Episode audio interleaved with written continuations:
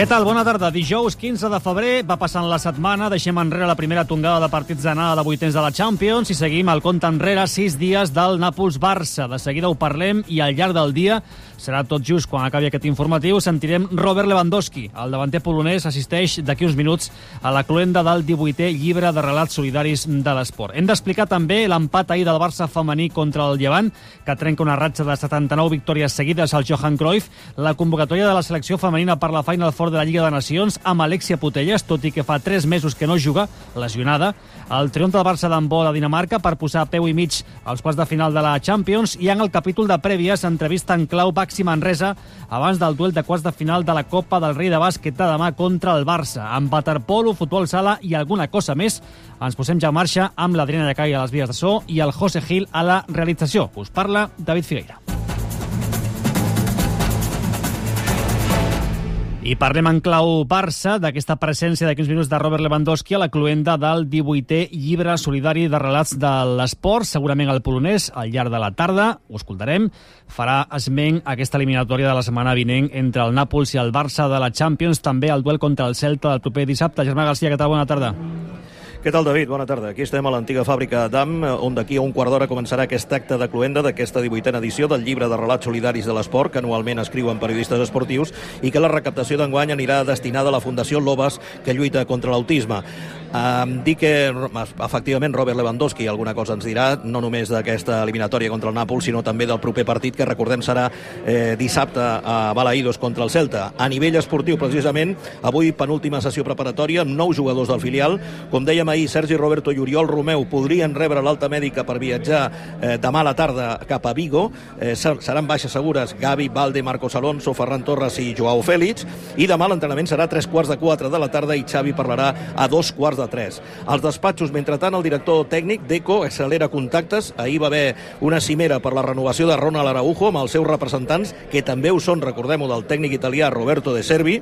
I a nivell institu institucional, mm. avui l'excandidat a la presidència del Barça, Víctor Font, ha fet una carta oberta adreçada als socis i sòcies del Barça amb eh, quatre ítems principals. D'entrada, la preocupació per haver generat mil milions d'euros de pèrdues operatives en els últims tres anys, que no es pot eh, concebre portar una entitat com ara fa 20 anys, demana també més professionalitat en l'organigrama del club i, per últim, que el desgavell dels despatxos ha transcendit l'àmbit esportiu. Res que no sapiguéssim, David, de les últimes rodes de premsa que ha fet el que va ser mm, candidat a la presidència del Futbol Club Barcelona, però aquí demostra la seva preocupació i la d'altres socis per com està anant el tarannà del club. Perfecte, doncs amb això es quedem i al llarg del dia escoltarem Robert Lewandowski. Gràcies, Germà, bona tarda. Bona tarda. Un apunt també des de Girona, ha renovat Gazzaniga, el porter argentí que va arribar a començar de la temporada passada, i ara Josep Guardiola, indiscutible als plans de Michel Sánchez amb total 52 partits i una renovació que farà que estigui a Montilivi fins al 2027. A nivell esportiu i a nivell personal es mostra satisfet d'estar a Girona. Ah, estoy viviendo un momento muy lindo, tanto profesional como, como personal, ¿no? De, con, con, mi familia estamos muy contentos, muy a gusto, con, con mi hijo de dos años que, que es lo más lindo que, que, me pasó y lo estoy disfrutando ahora un montón acá, en Girona con mi, con mi novia también y, y, nada, estamos muy contentos y bueno, a nivel profesional se, se ve ¿no? que, que esa alegría se, se transmite y, y bueno, eh, la idea és estar acá i seguir disfrutando. Malgrat que el focus i les mirades solen anar en una altra direcció, Gasàniga és un dels principals artífecs de que l'equip gironí estigui al capdamunt de la classificació. Ell explica quina és la clau. Supongo que Michel lo habrá dicho ya un montón de veces el día a día, ¿no? del buen feeling que hay entre, entre los compañeros, entre el staff,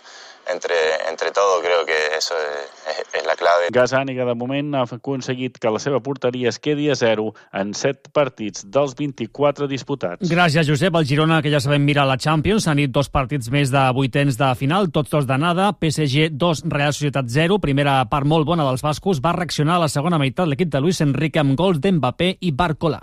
Madre mía, madre mía. Yo que tenía muchas ganas de jugar con equipo español y, y, y casi y casi nos la lían. Nada, felicitar a la Real Sociedad, felicitar a Imanol. Qué gran equipo, qué manera de competir. I a Roma, Lazio, un Bayern de Múnich 0. A la segona divisió, l'Espanyol rebrà dissabte el Mirandés, un altre examen per l'equip de Luis Miguel Ramis, que ha dit el tècnic dels blanquiblaus, Sant Adrià, Josep Capel, bona tarda.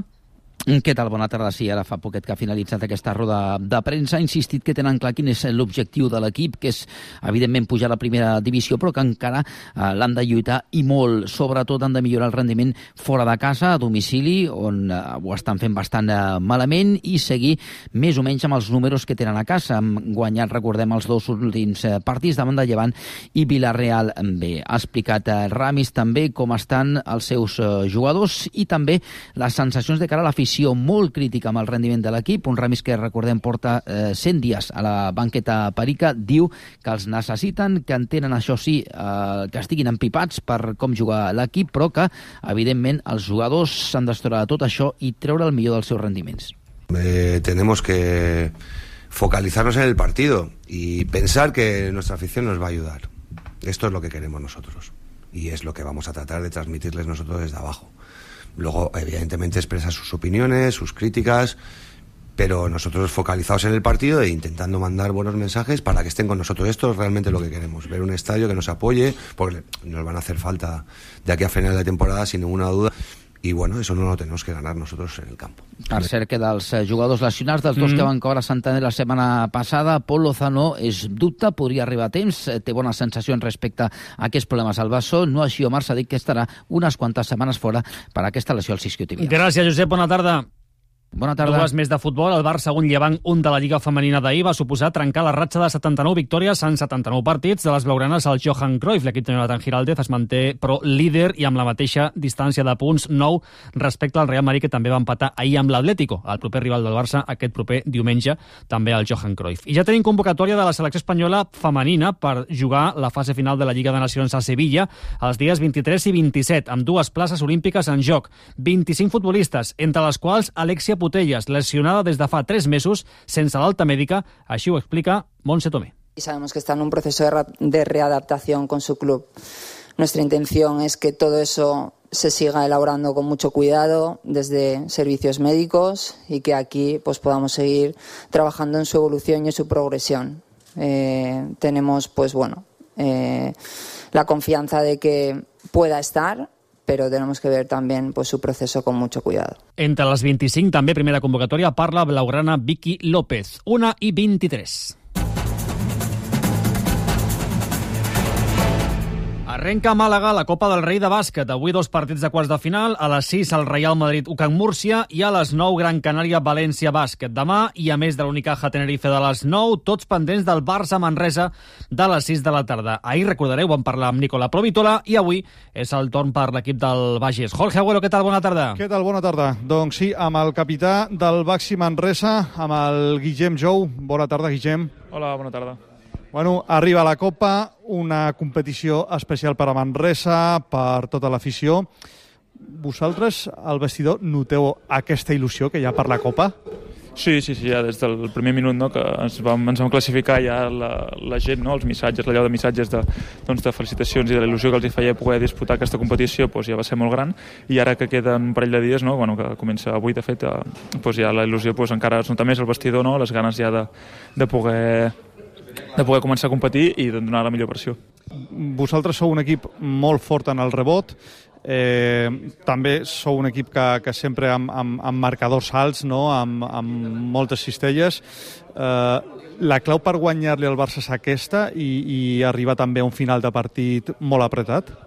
Sí, sí, sí, al final no, ells tenen la, la pressió de que, diguéssim, que parteixen com a, a favorits i, i al final eh, nosaltres hem de fer el nostre joc. Ens anirà millor, ens anirà pitjor, és el que portem fent tota la temporada i tots els altres anys anteriors i ens ha donat èxits, doncs hem de confiar en això i creure en això i després doncs, fer les coses bé durant el partit per arribar a un final ajustat i que ells potser tinguin més la, la pressió de, de poder guanyar i lluitar per, per guanyar el partit. David, t'escolta ja Guillem Jou. Molt bé, gràcies, Jorge. Hola, Guillem. Seguim per aquesta mateixa línia que et preguntava el Jorge Agüero. El Barça és el favorit, ho tenim clar, però podem dir que, a més a més, alhora ells tenen tota la pressió?